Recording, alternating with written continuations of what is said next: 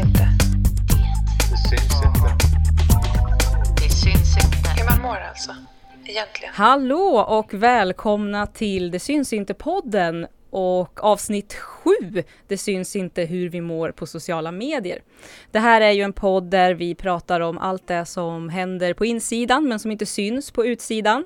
Jag heter som vanligt Jessica Andersson och idag har jag med mig psykolog, föreläsare och författare Siri Helle. Hej Siri! Hejsan, jättekul att vara här. Så kul att ha dig här. Eller ja, nu sitter vi ju faktiskt och spelar in i, på varsin ort till och med tror jag. Mm, just det, jag sitter i Stockholm. Ja, och jag sitter i Uppsala.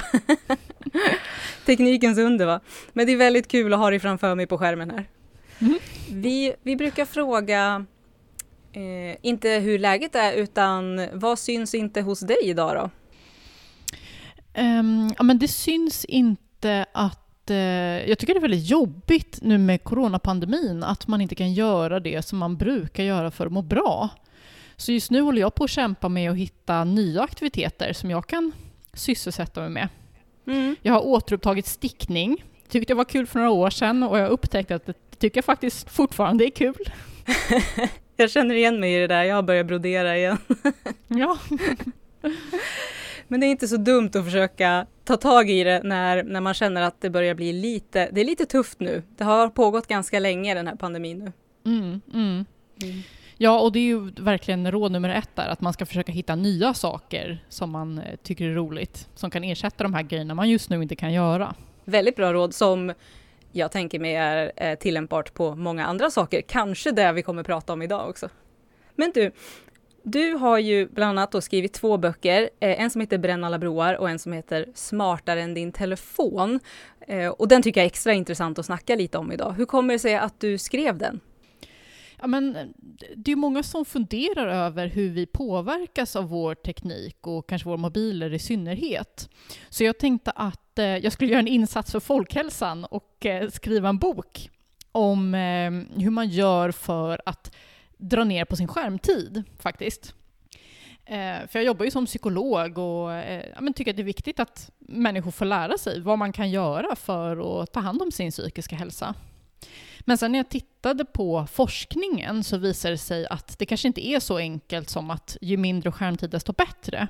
Utan snarare att det handlar om hur vi använder våra mobiler och sociala medier. Så det blev en bok, både hur man kan dra ner på det här problematiska användandet men kanske också öka upp det här positiva användandet. Jag brukar säga att eh, man inte ska se på mobiler som godis, att ju mindre desto bättre, utan snarare att man ska se på det som mat. Och att de där efterrätterna, de ska man försöka hålla nere på, medan salladen, kanske att ha videosamtal med sina vänner och sådär, det, det kan man bara frossa i. Det var en väldigt, en väldigt bra liknelse måste jag säga. Ja, men det blir, det blir lite tydligare, tänker jag. Mm. Ja, det blir väldigt tydligt då också att det handlar inte som du säger om mängden tid vi lägger på det, utan vad vi gör där. Mm, verkligen. Och sen spelar det ju också roll hur livet ser ut i övrigt. Så eh, använder man... Eh, för, för man kan ju säga så här att, ja, att det, vissa typer av eh, slösurfande, det bara tar en massa tid. Och så kan det ju vara om det tar tid från skolarbete eller träning eller träffa kompisar. Det skulle ju också kunna vara så att man slösurfar istället för att eh, gräla med sina föräldrar eller istället för att självskada till och med. Och då är det ju tvärtom jättebra. Så man behöver hela tiden fråga sig också, vad, vad skulle jag gjort med tiden annars? Det är väldigt, väldigt individuellt med andra ord. Mm. Mm. Och det är väl det jag hoppas att vi ska dyka ner i idag, att man ska lära sig liksom förstå sitt eget användande. När är det till hjälp och när är det kanske till hjälp och vad kan jag göra då? Verkligen. Det här ska bli så intressant. Aha. Om du, om du skulle peka på, vad tycker du är de största positiva sidorna hos sociala medier och smartphones? Att man kan hålla kontakten med människor. Eh, rätt och slätt. Vi Mm. människor, vi är ju flockdjur och vi behöver verkligen andra människor för att må bra. Och eh, med tekniken så kan vi hålla kontakt med människor som vi inte är i samma rum som. Eh, Och det här öppnar upp för massa nya möjligheter. Eh, dels att ja, man kanske har något specialintresse som ens kompisar inte delar, eh, men då kan man hitta andra på nätet som, som tycker om det här. Eh, det kan ju vara att man eh, liksom har någon diagnos eller känner sig annorlunda på något sätt och man kan hitta andra som delar den erfarenheten. Om man kanske är retad för någonting i skolan så kan man hitta stöd på sociala medier och inspiration också. Om man tänker att eh, ja, men, man, har liksom, man vill bli bättre på någonting så kan man följa konton som tipsar om saker som, liksom, som man borde kolla in. Och bli inspirerad.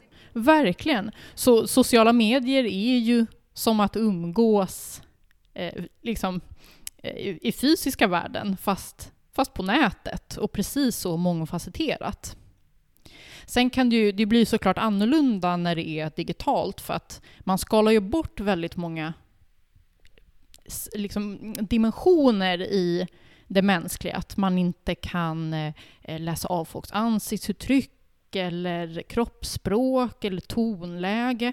Och det gör ju till exempel att man kanske har lättare för att säga taskiga saker till varandra som man inte skulle säga ansikte mot ansikte när man ser hur någon reagerar. Så det blir ju lite annorlunda. Såklart, och man missar ju också lite kanske av den fysiska kontakten som är ganska viktig för oss som människor. Att kanske ses och säga hej och krama någon. Eh, det går ju inte riktigt att göra på samma sätt när vi sitter, som du och jag sitter framför varandra nu, framför skärm. Mm, precis. Men eh, sen kan ju det också få en styrka, att man kanske vågar dela med sig av saker som man hade varit lite för nervös för att säga ansikte mot ansikte. Så det är verkligen både, både för och nackdelar. Verkligen. Ja, jag tror eh, det är väl inte nytt att man, eller att många är lite modigare på internet. Eh, på gott och ont, men mycket på gott, absolut. Eh, men om man pratar om till exempel utsatthet på internet, eh, och där behöver vi inte gräva ner oss så djupt i, i det, men det är ju väldigt vanligt. Jag har, jag har faktiskt lite statistik här från ehm, eh, Ungar och medier från Statens medieråds eh, rapport från 2019. Eh, och där står det att i åldern 13 till 16 år är det en femtedel ungefär som blivit mobbade eller utsatta på nätet under det senaste året. Då. Eh, hur, hur ska man, om man ser att någon blir utsatt, finns det någonting jag kan göra om jag ser det här hända? Ja, vad man har sett när man tittar på psykologisk forskning, det är ju att eh, bara att en enda person står upp och säger att det här är inte okej. Okay, det kan betyda jättemycket. Det kan få alla de här andra som står runt omkring och, och egentligen också tycker att det är fel, att faktiskt också våga träda fram och säga nej men jag, jag, jag tycker också att det är fel. Eh, så om man vågar så är det jättebra att, att kunna säga ifrån om man ser att någon säger någonting taskigt sådär i kommentarsfält eller lägger upp en elak bild eller så. Det kan göra jättestor skillnad, både för den som är utsatt och att andra faktiskt också står upp då. Vad häftigt att det räcker med bara en person för att trigga ett beteende, så att säga. Mm, verkligen. Och sen är det ju också bra att hålla koll på Ofta kan man ju anmäla kommentarer och bilder sådär på sociala medier utan att liksom, den som har lagt upp bilden får veta vem det var som anmälde. Så det är också väldigt bra att bara ha koll på var de eh, knapparna finns någonstans. Så att skulle man känna att någon har lagt upp en taskig bild, ja, men då tas den bilden ner så snabbt som möjligt. Ja, verkligen. Det finns styrka i den anonymiteten, att man kan gömma sig lite för att göra någonting bra, inte, inte bara för att göra elaka saker, utan man kan ju verkligen hitta kraft där också för att våga säga emot någon som är elak.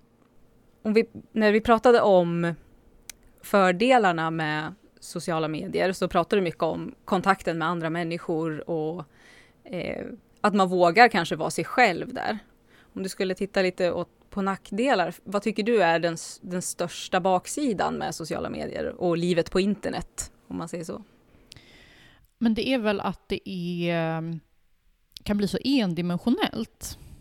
Just för att på sociala medier så eh, då vill man ju gärna, man vill, man vill ha likes, man vill ha kommentarer. Och vad är det som brukar ge likes och kommentarer? Jo, men det är när man lägger upp fina bilder.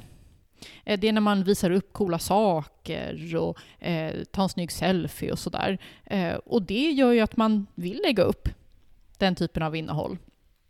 Eh, och det kan såklart vara kul och eh, roligt. Men problemet är om man känner att man är tvungen att göra det. Och att man liksom eh, amen, eh, blir beroende av att få en massa likes och eh, tänker att mitt, mitt värde beror på hur många likes jag får. Så det skulle jag vilja säga är baksidan med sociala medier, att det kan bli väldigt endimensionellt. Verkligen.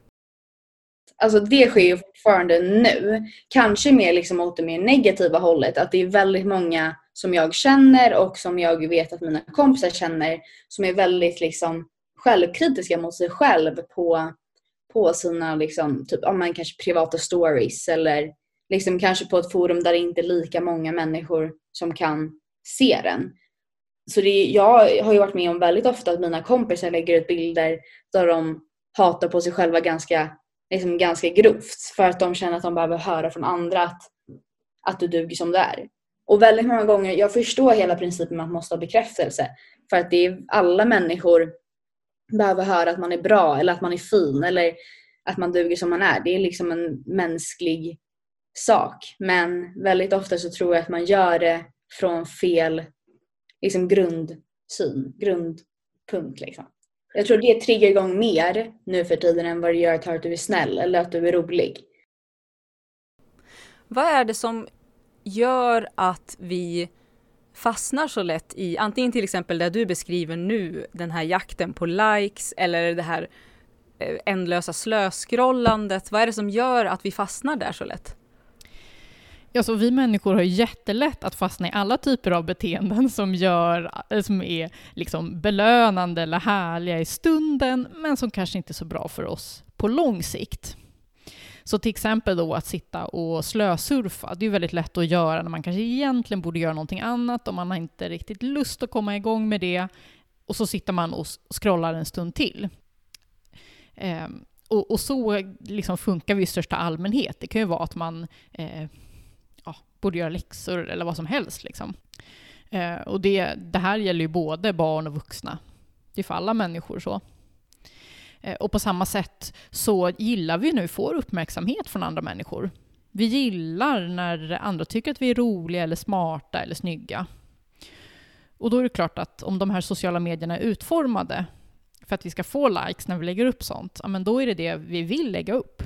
Är det alltså, sitter folk, eh, till exempel psykologer som du och jobbar med att utforma apparna för att vi ska fastna? Ja, alltså de här sidorna är ju designade för att vi ska vilja spendera mycket tid på dem. Just för att om vi spenderar mycket tid, då kommer vi också få se väldigt många annonser. Och det är ju det de här plattformarna och sociala medierna tjänar pengar på. Så absolut, de eh, sitter ju och försöker designa dem på alla möjliga sätt för att vi ska vilja gå in där så ofta som möjligt och vara kvar så länge som möjligt. Samtidigt som de ju också såklart vill att de får inte gå för långt. För skulle de gå alldeles för långt, då skulle ju människor inte vilja använda de här sidorna. Så att det är hela tiden det här att de vill hålla kvar oss, men vi ska samtidigt känna att vi vill komma tillbaka igen. De balanserar på en hårfin tråd hela tiden liksom i att lura in oss lite, eh, men också underhålla oss egentligen. Mm, precis. Kan man själv påverka på något sätt hur, hur appar utformas? Vad kan man göra själv? Ja, alltså eh, det finns jättemycket man kan göra med, med inställningarna på sin telefon. Och det skriver jag mycket om i min bok också. Till exempel så är det väldigt viktigt det här med aviseringar. Det är ju någonting som de här apparna har byggt in för att dra in dig i appen. Och det kan man ju tycka är väldigt praktiskt själv, att eh, man får veta när någon har eh, skrivit någonting om en och då går man in och kollar. Men det kan ju också leda till att man får alldeles för mycket aviseringar, så att när man sitter och försöker fokusera och plugga eller någonting så dras man hela tiden in i sin mobil. Och då kan man ju tänka på att försöka slå av så mycket aviseringar som möjligt. Eller sätta på du vet, stör ej-läget på mobilen så att man bara släpper igenom vissa telefonnummer eller sådär när man sitter och pluggar. Eh, sen kan man ju också gå in och kolla sekretessinställningarna på sina sociala medier. Vad är det egentligen för information jag vill dela med mig av? När ska folk kunna tagga mig i inlägg och vilka ska se vad och sådär. Så det tipsar jag också verkligen om att, om att göra. Eh, så man kan verkligen ta ganska mycket kontroll egentligen över just inställningar och vad, vad som eh, vad jag eh, exponeras för så att det inte bara händer hela tiden utan att jag har ett val. Precis. Och man kan ju styra mycket vilka konton man ser. Vilka kompisar man väljer att följa och vilka influencers. Och det är klart att där påverkas man ju mycket av vad alla andra följer. Man vill ju inte vara den som inte hänger med. Precis. Eh, men där tänker jag att eh, det är viktigt att man pratar med eh, sina kompisar och ja, men tar sig en funderare själv också. Vad är det egentligen jag tycker är viktigt? Vad är det som jag eller vi mår bra av att följa och vad är det som mest ja, men gör oss liksom avundsjuka eller som man blir stressad och får ångest av? Och så kan man ju själv eller tillsammans med andra då göra ett aktivt ställningstagande att nej men det här vill jag faktiskt inte följa för det mår jag inte bra av. Verkligen. Det är intressant det du säger för att vi, vi pratar eh, mycket med ungdomar. Dels så tar vi del av deras vardag genom enkäter och så. Eh, men vi pratar också med dem som du och jag sitter nu och pratar. Och eh, eh, det var en, en ungdom som nämnde att eh, just det här med eh, influencers man följer och så. Man kan inte avfölja för att man pratar om personerna som att man känner dem. Och så fort det har hänt någonting i, i deras liv som att, ja, har du sett att eh, den och den har gjort slut med den och du inte vet så får man den där fruktansvärda känslan av att man inte hänger med. Absolut, absolut. Och så har det ju varit för människor i alla tider, om man säger så. Att eh, eh, tidigare så gällde det att hålla koll på vem i byn som var ihop med vem och liksom det skvallret. eh, och tidigare kanske var så här, ja, men, inte jag, 80-90-talet, att man läste kändisskvallertidningar för att ha koll på sånt. Och nu kanske snarare händer på sociala medier. Så att det är inget nytt. Men man kan ju samtidigt ta sig en funderare, vad, eh, vad tycker jag är värt att veta? Vad tycker jag är värt att följa? Och kanske också prata med sina Mm. kompisar om det. Mm. Och vad får jag ut av det här? Mm. Tycker jag ens att det är roligt eller känns det bara som att det hänger över mig? Mm. Hur ska man tänka för att slippa FOMO? Går det att slippa FOMO? Det går ju inte att slippa all FOMO. Jag tänker att eh, vi människor, vi, eh, eh, vi kan ju inte vara överallt på en gång. Och det är klart att det känns trist när man missar saker. Så kommer det ju alltid vara.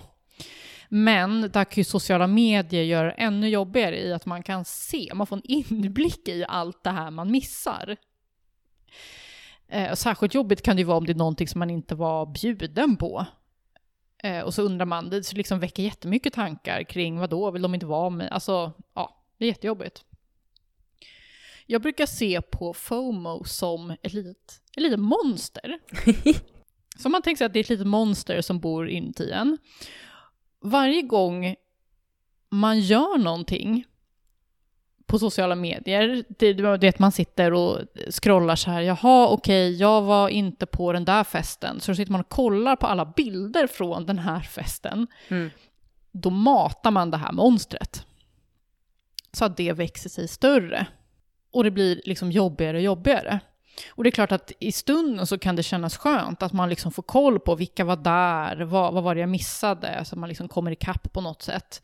Men det leder till att det här monstret blir större och starkare och att nästa gång så känner man ännu mer FOMO. Det man tvärtom ska, kan försöka göra, det är att svälta ut det här monstret. Så att liksom, om, det, om du inte var på festen, kolla inte. Eh, om du, du vet, måste åka någonstans över en helg med föräldrarna och kommer missa någonting, slå av sociala medier så att du inte ens kan, kan gå in och kolla. Så du inte behöver se alla stories med allt som händer då när du är långt borta och inte kan delta. Liksom. Precis. Och sen såklart så är det här lättare sagt än gjort, för att det här monstret kommer säga åt en, gå in och kolla, gå in och kolla. Men om man kan, försök. Försök att motstå. Mm. Jag har faktiskt ett, ett ganska fint citat här från en, ungdom, en annan ungdom som vi träffade. Som hade testat att stänga av notiser. Och, och då sa hen så här. Jag har sedan sex månader stängt av alla notiser på appar så jag ser aldrig att jag får en snap eller så. Det hjälper mycket. Jag har också på stör ej. Kände en stor stress förut, stor skillnad sen jag stängde av.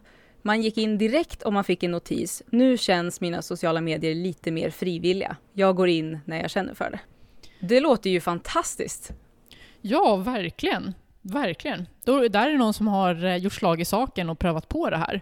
Och det är ju jättevanligt att det blir så, i, speciellt i början, att det bara kliar i fingrarna och man undrar vad är det jag missar just nu? Eh, och då kan det ju vara bra att man kanske sätter upp en, en tidsgräns för sig själv. Eh, men jag ska testa det här i en vecka eller två veckor. Och sen så, sen så tar man sig en funderare, vad har jag egentligen missat? Och vad har jag vunnit och var det värt det? Kanske komma fram till att nej men det var faktiskt inte värt det. Och då behöver man ju inte, då kan man slå på aviseringarna igen. Eller så kommer man fram till att nej men det här, det var faktiskt ganska skönt. Och då kan man fortsätta ha det så. Verkligen, det är återigen ganska individuellt för att jag kan känna i mig själv, jag har inga notiser eller ens vibration, jag har alltid ljudlöst på min telefon. Men det gör ju också att jag dubbelkollar hela tiden så jag inte har missat någonting. Så man behöver väl kanske hitta en balans där, där man känner att man hittar en variant som passar mig. Liksom. Mm. Jag brukar göra så att jag ändrar ganska mycket under dagen. Så att jag har ofta på ljudlöst när jag sitter och jobbar, men sen så fort jag tar paus så eh, kollar jag telefonen och kollar vad som har hänt och sådär. Eh, och att det också är väldigt olika för olika appar. Så till exempel, man kan alltid nå mig på sms, men vad gäller sociala medier, det är någonting som jag går in och kollar när jag själv får lust, kanske ett par gånger per dag. Så det behöver inte vara så svart eller vitt, utan man kan, man kan eh, då får man ju kanske rannsaka sig själv lite grann. Var brukar jag fastna och göra saker jag inte tycker är så roligt eller värdefullt? Och kanske dra ner på det och sen verkligen detaljpilla eh, i sin telefon egentligen. Verkligen. Och för att få syn på det här så kan jag verkligen rekommendera att ladda ner någon form av kartläggningsapp som trackar vilka appar du är inne i när och hur länge. Och då kan man göra det till exempel under en vecka. För då kan man upptäcka att, ja, om jag bara ska gå till mig själv då, att jag upptäckte att eh, på morgnarna när jag ligger och snoozar då, då scrollar jag väldigt, väldigt mycket memes. Och så blir det att jag eh, liksom håller på att komma sent. Och då upptäckte jag att okej, okay, så då kanske jag inte får scrolla memes på morgonen, utan jag får göra det på bussen istället. Sådana grejer kan vara ganska bra att få upp ögonen för. ja, jag förstår, jag förstår din fight. Memes är kul. ja, exakt. Vad ska man göra? ja, vad ska man göra?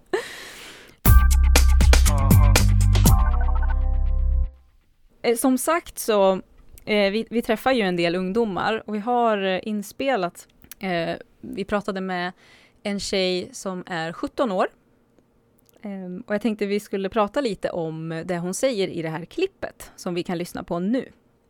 Alltså det är ju ganska tragiskt. Alltså, jag vet inte om jag ska prata från liksom unga tjejer som ser på sina sociala medier massa liksom toksnygga tjejer med, som är jättesmala och jättelånga och har perfekt smink och har bra klädstil och mycket pengar. Alltså det kommer liksom, det slutar ju upp i att man väldigt ofta blir så självkritiska. Det kan gå liksom, det går ju väldigt långt i vissa fall att att man kan må, man, att man kan må jättedåligt. Liksom.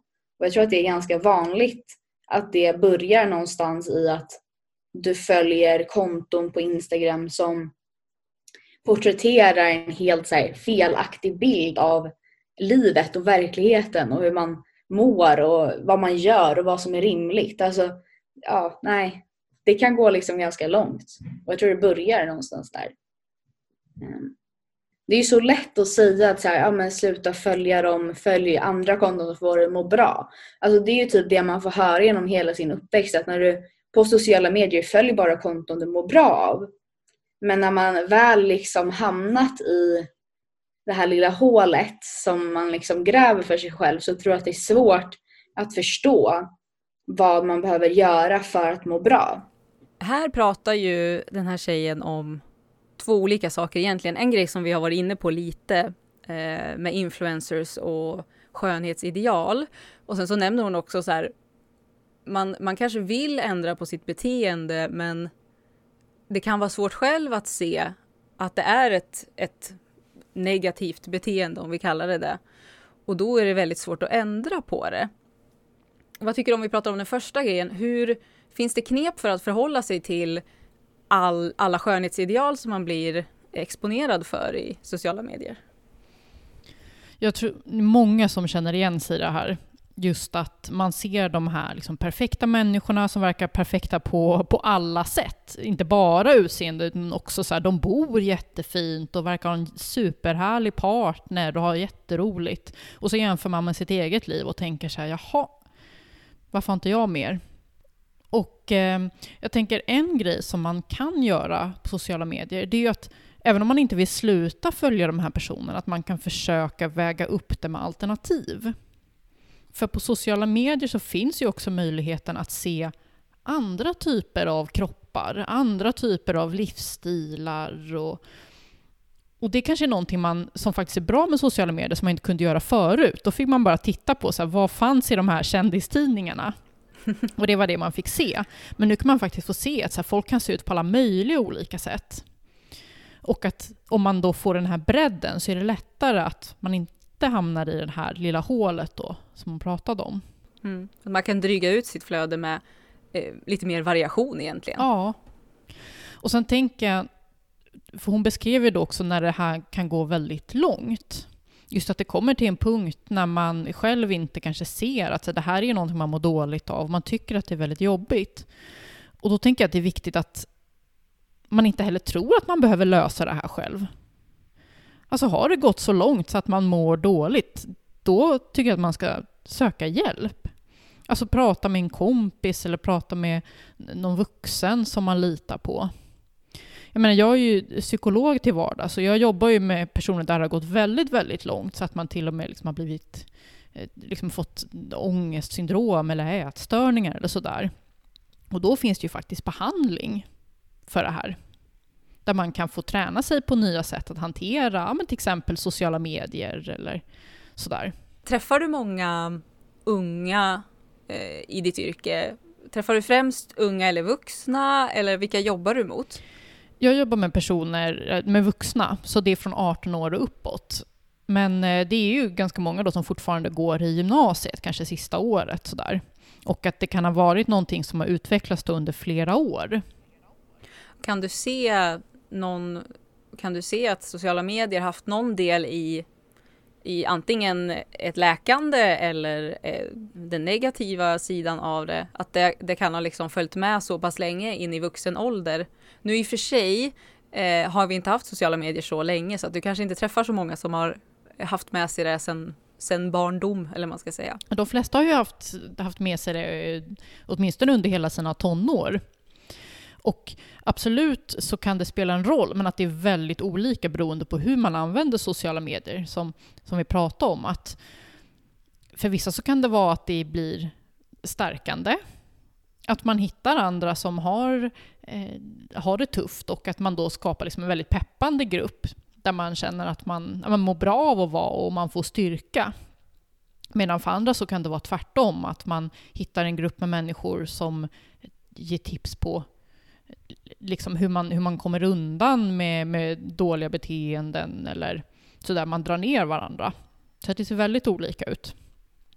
Och de som mår bäst är ju såklart de som hittar de här peppande grupperna. Såklart. Ja, det är klart det, eh, det kan bli destruktivt. Det, det måste vara otroligt skört för att om du hittar andra som kanske har samma problematik som du så kan det gå åt vilket håll som helst nästan. Beroende helt på vad det finns för inställning i det sammanhanget. Att det kan vara så att man drar ner varandra eller att man hjälper varandra. Ja, så kan det ju vara. Och att det är olika personer i de här grupperna som drar åt olika håll. Men då kan det vara bra att veta att det ofta finns väldigt många olika sådana här grupper och sammanhang och föreningar och sådär. Så om det är någon grupp som verkar där man liksom blir neddragen, ja men försök testa en annan grupp. Och som sagt, om man känner att det är tufft att hantera på egen hand, hantera det inte på egen hand. Som sagt, människor, människor är flockdjur. Vi är gjorda för att ta hjälp av varandra.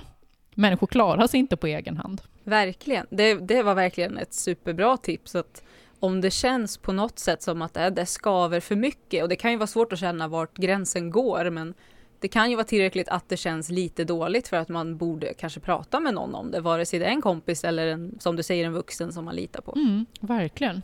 Och du är ju antagligen inte ensam med de här tankarna. Eh, de flesta tycker att det är svårt att navigera sociala medier, precis som att man tycker att det är nervöst att gå på fest eller vad det nu kan vara. Så eh, om man vågar ta upp det så brukar man kunna dela det här. Mm. Alltså grejen är, jag, det är inte så många gånger som jag hör liksom kanske om att man, har, om man är, har inte lyckats bra med sminket eller man har en dålig hårdag. Utan alltså, väldigt ofta så går det till den här grunden av att man liksom det är nästan så att folk kan skriva så här, jag har inte ätit på 24 timmar för att jag vill bli smal. Det är väldigt ofta som postas på sociala medier. För att folk vill höra från andra att så här, vad håller du på med, det där är inte bra, gör inte så mot dig själv. De skriver det för att de vill höra från andra att de är snygga och att de inte behöver göra det.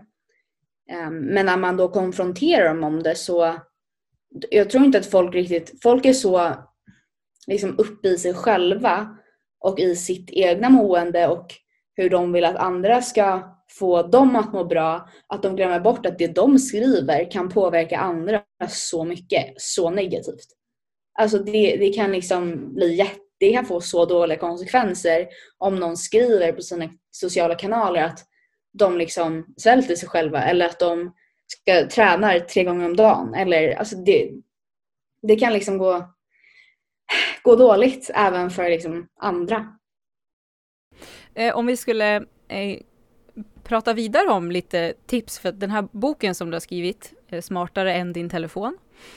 Eh, den är ju ganska tipsbaserad rakt igenom. Väldigt mycket konkreta grejer som man kan göra själv för att ta kontroll över sitt användande.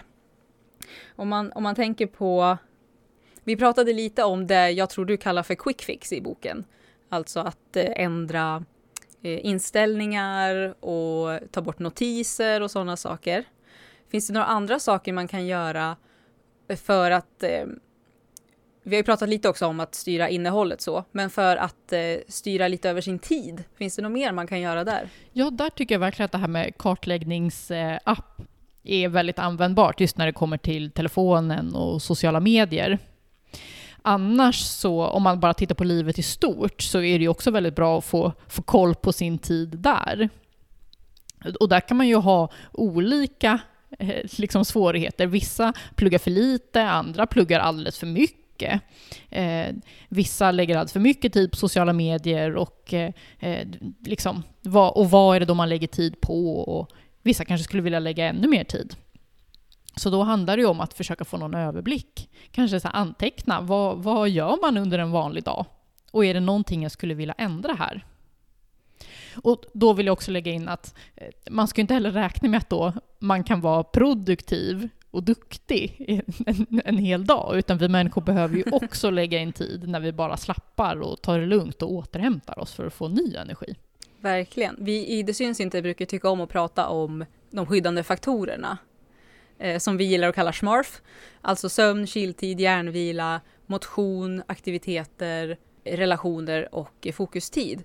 Och det är ju någonting, det är ju jättesvårt såklart att få in allt det här på en dag.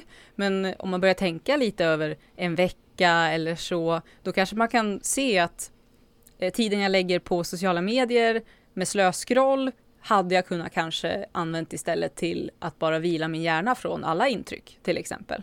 Och det är väl den balansen kanske som man, eh, man får jobba lite med att hitta. Mm, verkligen. Och då kan ju den här, att försöka liksom kartlägga sin tid kan vara ett första steg. Och säg då att man kommer på att eh, nej men jag skulle faktiskt vilja, vilja ändra det här. Då är det väldigt vanligt att man försöker sluta med någonting. Man försöker eh, eh sluta kolla så mycket på serier, man försöker sluta slöskrolla i sin telefon. Men faktum är att det enklaste sättet att sluta göra ett beteende brukar vara att börja göra någonting annat. För du kan inte sitta och slösurfa slösurf på telefonen om du, eh, inte vet jag, är ute och joggar. Så att det liksom handlar ofta om att planera in de här aktiviteterna som du egentligen skulle vilja göra och på så sätt konkurrera ut det här du lägger för mycket tid på. Och tycker man att det är svårt att göra på egen hand så kan man försöka ta hjälp av andra så säg till exempel att man eh, skulle vilja komma ut mer. Ja, men då kanske man ska försöka stämma träff med en kompis utomhus. Snarare än att liksom försöka liksom, bara ta sig själv i örat. Eller be sina föräldrar att eh, liksom, jag, vill, jag vill plugga de här två timmarna, kan, du, eh, kan jag sitta i köket medan du lagar mat eller någonting? Så att man har någon annan som också uppmuntrar den att göra det man vill göra. Mm. Är det en särskild effekt som kickar in då när man ja, men säger så här, det är så svårt att dra ut och jogga själv. Men så fort eh, man har en annan person med sig och man behöver mötas upp och eh, man känner kanske ett litet ansvar mot den andra personen, då känns det lite lättare. Är det en särskild effekt som, som triggar oss människor? Det är det, absolut. Att man känner att man har lite extra ansvar för någonting. Att faktiskt dyka upp där. Är det tillämpbart på hur vi för oss? För du nämnde också så här, prata med, prata med dina vänner eh, om hur vi är på sociala medier eller saker vi följer och sådär. Har det samma effekt som, som den grejen? Eh, ja, det har det. Absolut. Sen så eh, brukar eh, ord och handling vara lite olika. Så att även om man, folk säger en sak, att men vi, klart vi ska vara snälla mot varandra, klart man alltid ska vara schysst. Det som verkligen spelar roll är när det blir skarpt läge, är det någon som säger ifrån?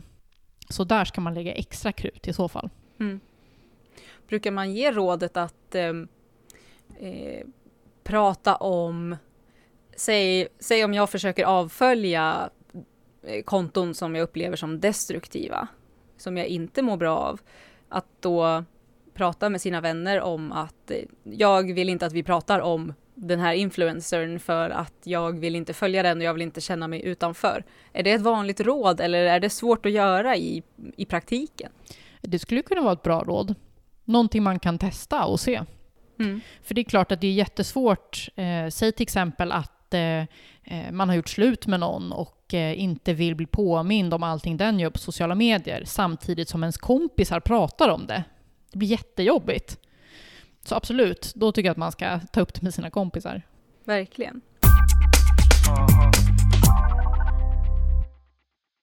Om vi pratar nu om relationer, eh, för där, det är ju en, en av eh, tårtbitarna i, i den här tallriksmodellen med skyddande faktorer. Ehm, hur, hur kan vi, vad ska vi ha för relation till våra sociala medier för att bygga goda relationer egentligen? Hur, hur tar vi hand om varandra eh, med sociala medier i bilden? För det kommer alltid vara i bilden. Mm.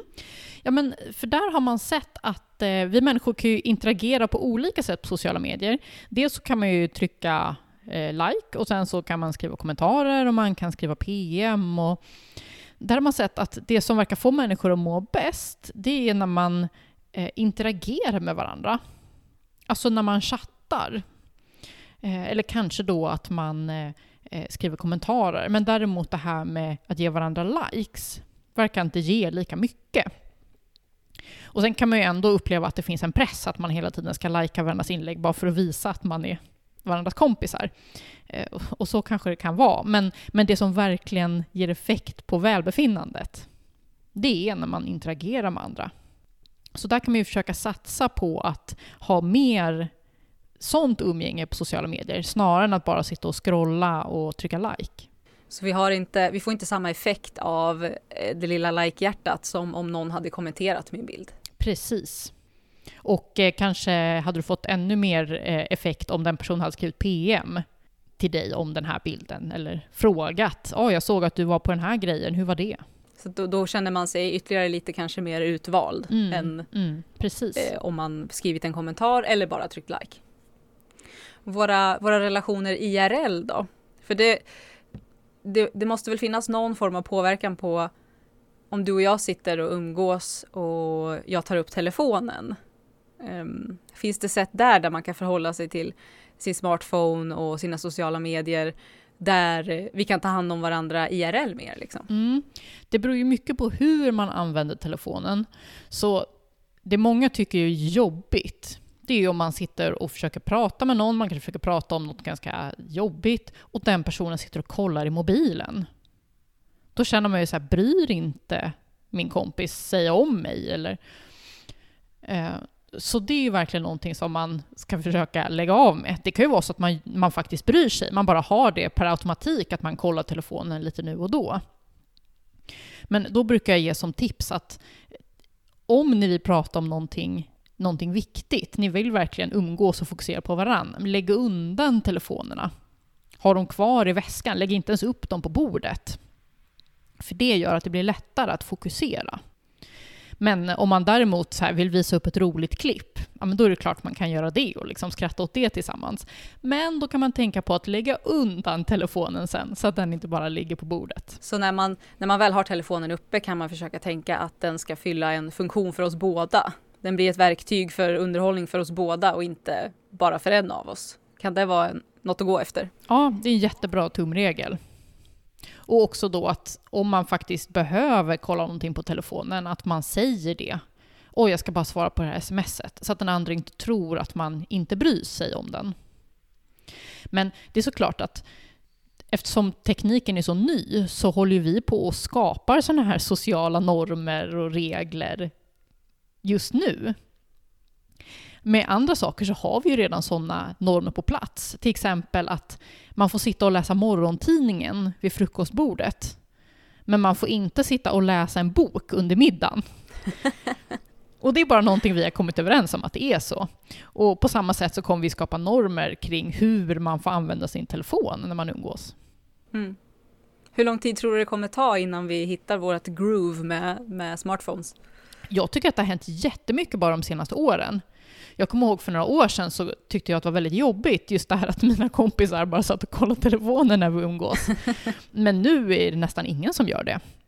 Just för att man, vi har haft den här typen av samtal där, där folk berättar att de faktiskt tycker att det är rätt störigt. Mm.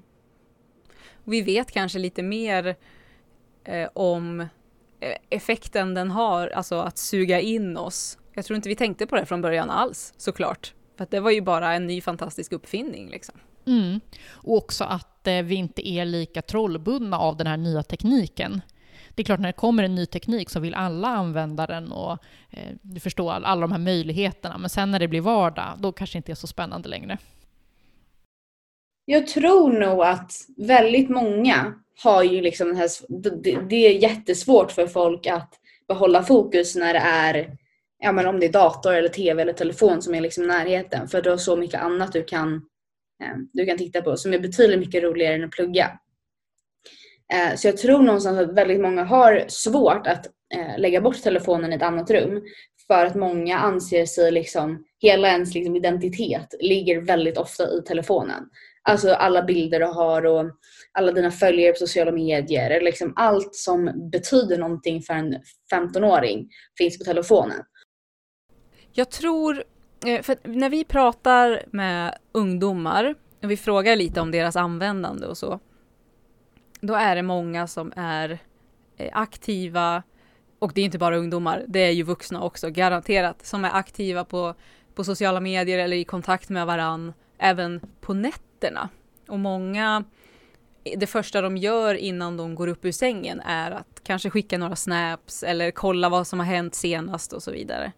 Finns det mm, några tips på hur man kan, hur man kan jobba med eller hur man kan tänka med sin telefon när man ska gå och lägga sig och när man sover för att inte, inte bli störd av, av telefonen. För jag, jag förmodar att det kommer störa en sömn eh, att titta på telefonen på natten och så. Ja, alltså, så, såklart så sover man sämre om man hela tiden blir väckt av massa notiser. Eller det kan ju också vara att eh, man bara ligger och halvsover lite och så tänker man så här, gud tänk om det har hänt något, man kollar telefonen och sen plötsligt är man klarvaken. Då kommer man ju sova sämre och så kommer man vara tröttare dagen efter. Eh, och hur, så hur ska man hantera det här? Det, det beror lite på faktiskt. För vissa så räcker det med att man eh, liksom bestämmer sig. Jag ska inte kolla telefonen. Och så räcker det. Andra kanske behöver eh, att man sätter mobilen i flight mode. Eh, för en tredje så kanske man behöver lämna mobilen utanför sovrummet. Just för att man inte ska behöva bli störd. Sen en annan sak är ju det här med blått ljus från skärmen. För där har man ju sett i forskning att har man väldigt starkt ljus på skärmen eh, sent på kvällen så påverkar det utsöndringen av sömnhormon så att man får svårare att sova för att kroppen tror att det är dag vad man kan tänka på då, det är a- att man eh, skruvar ner ljusstyrkan på skärmen eller att man använder ett sånt här blåljusfilter som brukar vara inbyggt i telefonen. Man kan också tänka på att man inte ska göra saker som stressar upp en precis innan man går och lägger sig. Till exempel spela något så här, ja, tävla i någon, något dataspel eller vara med i en väldigt hetsig chattgrupp precis när man går och lägger sig, för då brukar man vara ganska uppe i varv. Så det kan man tänka på. Kanske inte eh, göra någonting som engagerar en för mycket. Eh, svara på mail eller plugga för sent med telefonen. Det är många som pluggar med telefonen.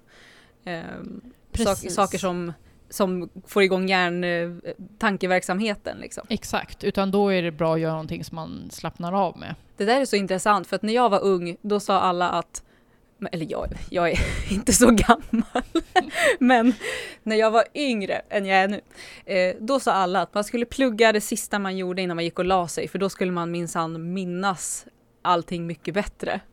Vad Okej. säger du om det, sant eller falskt? Låter stressigt tycker jag. Då måste man ju, Ja. precis man låg där och sov, så bara snurrade allting framför ögonen på en. Alla tyska glosor bara, woo, Ja, gud. som en karusell. Nej, utan jag skulle Jag var ju en sån här person som pluggade alldeles för mycket och satt och pluggade sent på kvällen och sådär. Så, och det mådde jag ju inte bra av. Så att jag fick faktiskt sätta upp en gräns, att jag fick bara plugga fram till middagen och sen var jag tvungen att koppla av och ta det lugnt på kvällen. Det är så väldigt olika för alla. Innan vi rundar av, är det några fler tips som du tycker är viktiga att lyfta? Att tänka på i sin relation till, till eh, smartphone eller sociala medier? Ja, en grej vi inte har pratat om, det är ju alla vuxna runt omkring. För som sagt där, att om det är någonting man inte mår bra av med, med sin mobil eller med sociala medier så behöver man ju prata med någon. Och där kan, ju, kan det vara himla svårt just med teknik för att föräldrarna hänger inte med. Eh, de fattar inte hur sociala medier funkar eller hur dataspelen funkar och då blir det jättekonstigt så här. Man behöver lägga en halvtimme bara på att förklara vad det var som hände i den här chatten och hur chatten funkar och sådär. Men eh, om man har eh, jag tycker ändå att man liksom ska försöka ha det tålamodet. För att under allt det här, alla de här tekniska detaljerna så handlar det ju om samma saker som när föräldrarna var unga. Det handlar om relationer och det handlar om skolstress och det handlar om skönhetsideal. Så även om det kan ta lite tid för dem att sätta sig in i det här så brukar de kunna vara till hjälp sen. Mm. Och vad jag brukar tipsa om också, det är att försök att prata om det som händer på nätet när allt är bra. När allting funkar. För att det kan göra då att, att liksom föräldrarna fattar. Så sen om det skulle hända någonting så kan de hjälpa en och det är lättare för en själv att ta upp det. Så det är ett tips till föräldrar att försöka lära sig om de grejerna som ens barn gör på internet och försöka själva att ta del av det och också kanske till den unga att bjuda in lite och som du säger dela med sig av det positiva också för att visa att det inte är så läskigt alltid. Precis. Precis. Om du skulle eh, sammanfatta det vi har pratat om idag med ett sista medskick, vad tycker du är eh, det viktigaste att ta med sig? Wow, nu fick jag prestationsångest. Nu Ehm, satte jag dig på pottan! Just det. Nej, men det skulle vara just att, att försöka eh, tänka på sin tid på sociala medier, precis som man skulle tänka kring mat. Att vad är det som är mina efterrätter, som jag kanske ska försöka hålla nere lite på, och vad är det som är min sallad, som jag kan frossa i? Och att försöka se på det på det sättet. Det är väldigt bra råd tycker jag. Det är alltid bra med roliga metaforer. Hitta din sallad och var sparsam med din efterrätt på sociala medier. ja, innan vi avslutar så ska jag också berätta att vi Det syns inte har ju en ny app som heter Det syns inte. Eh, eh som är eh, ganska tipsbaserad och där har vi också inspirerats av tipsen från din bok, alltså Smartare än din telefon som jag rekommenderar alla att läsa för den är väldigt bra och den är lätt att förstå. Så jag tycker verkligen att, eh, att alla ska läsa den boken för att lära sig ta hand om sig själv i relation till sin telefon. Ja, det är dags för oss att runda av här nu. Vad roligt det var att få ha med dig i ett poddavsnitt, Siri. Det var jättekul att prata med dig också. Ja, vad bra. Och då tackar vi för oss och så säger vi hej då. Mm. Hej hej! Hej då!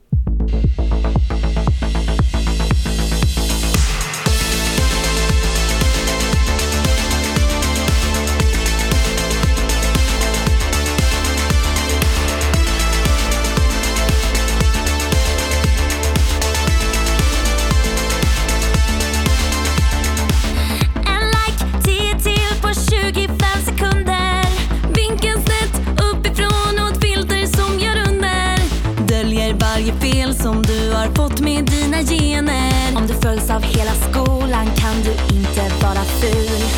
Kom nu, vi kan ta en, jag ska visa. Du får se hur ful du är nu. Dina tänder, dina kinder, dina ögonbryn, vad händer? Dina kläder, dina läppar,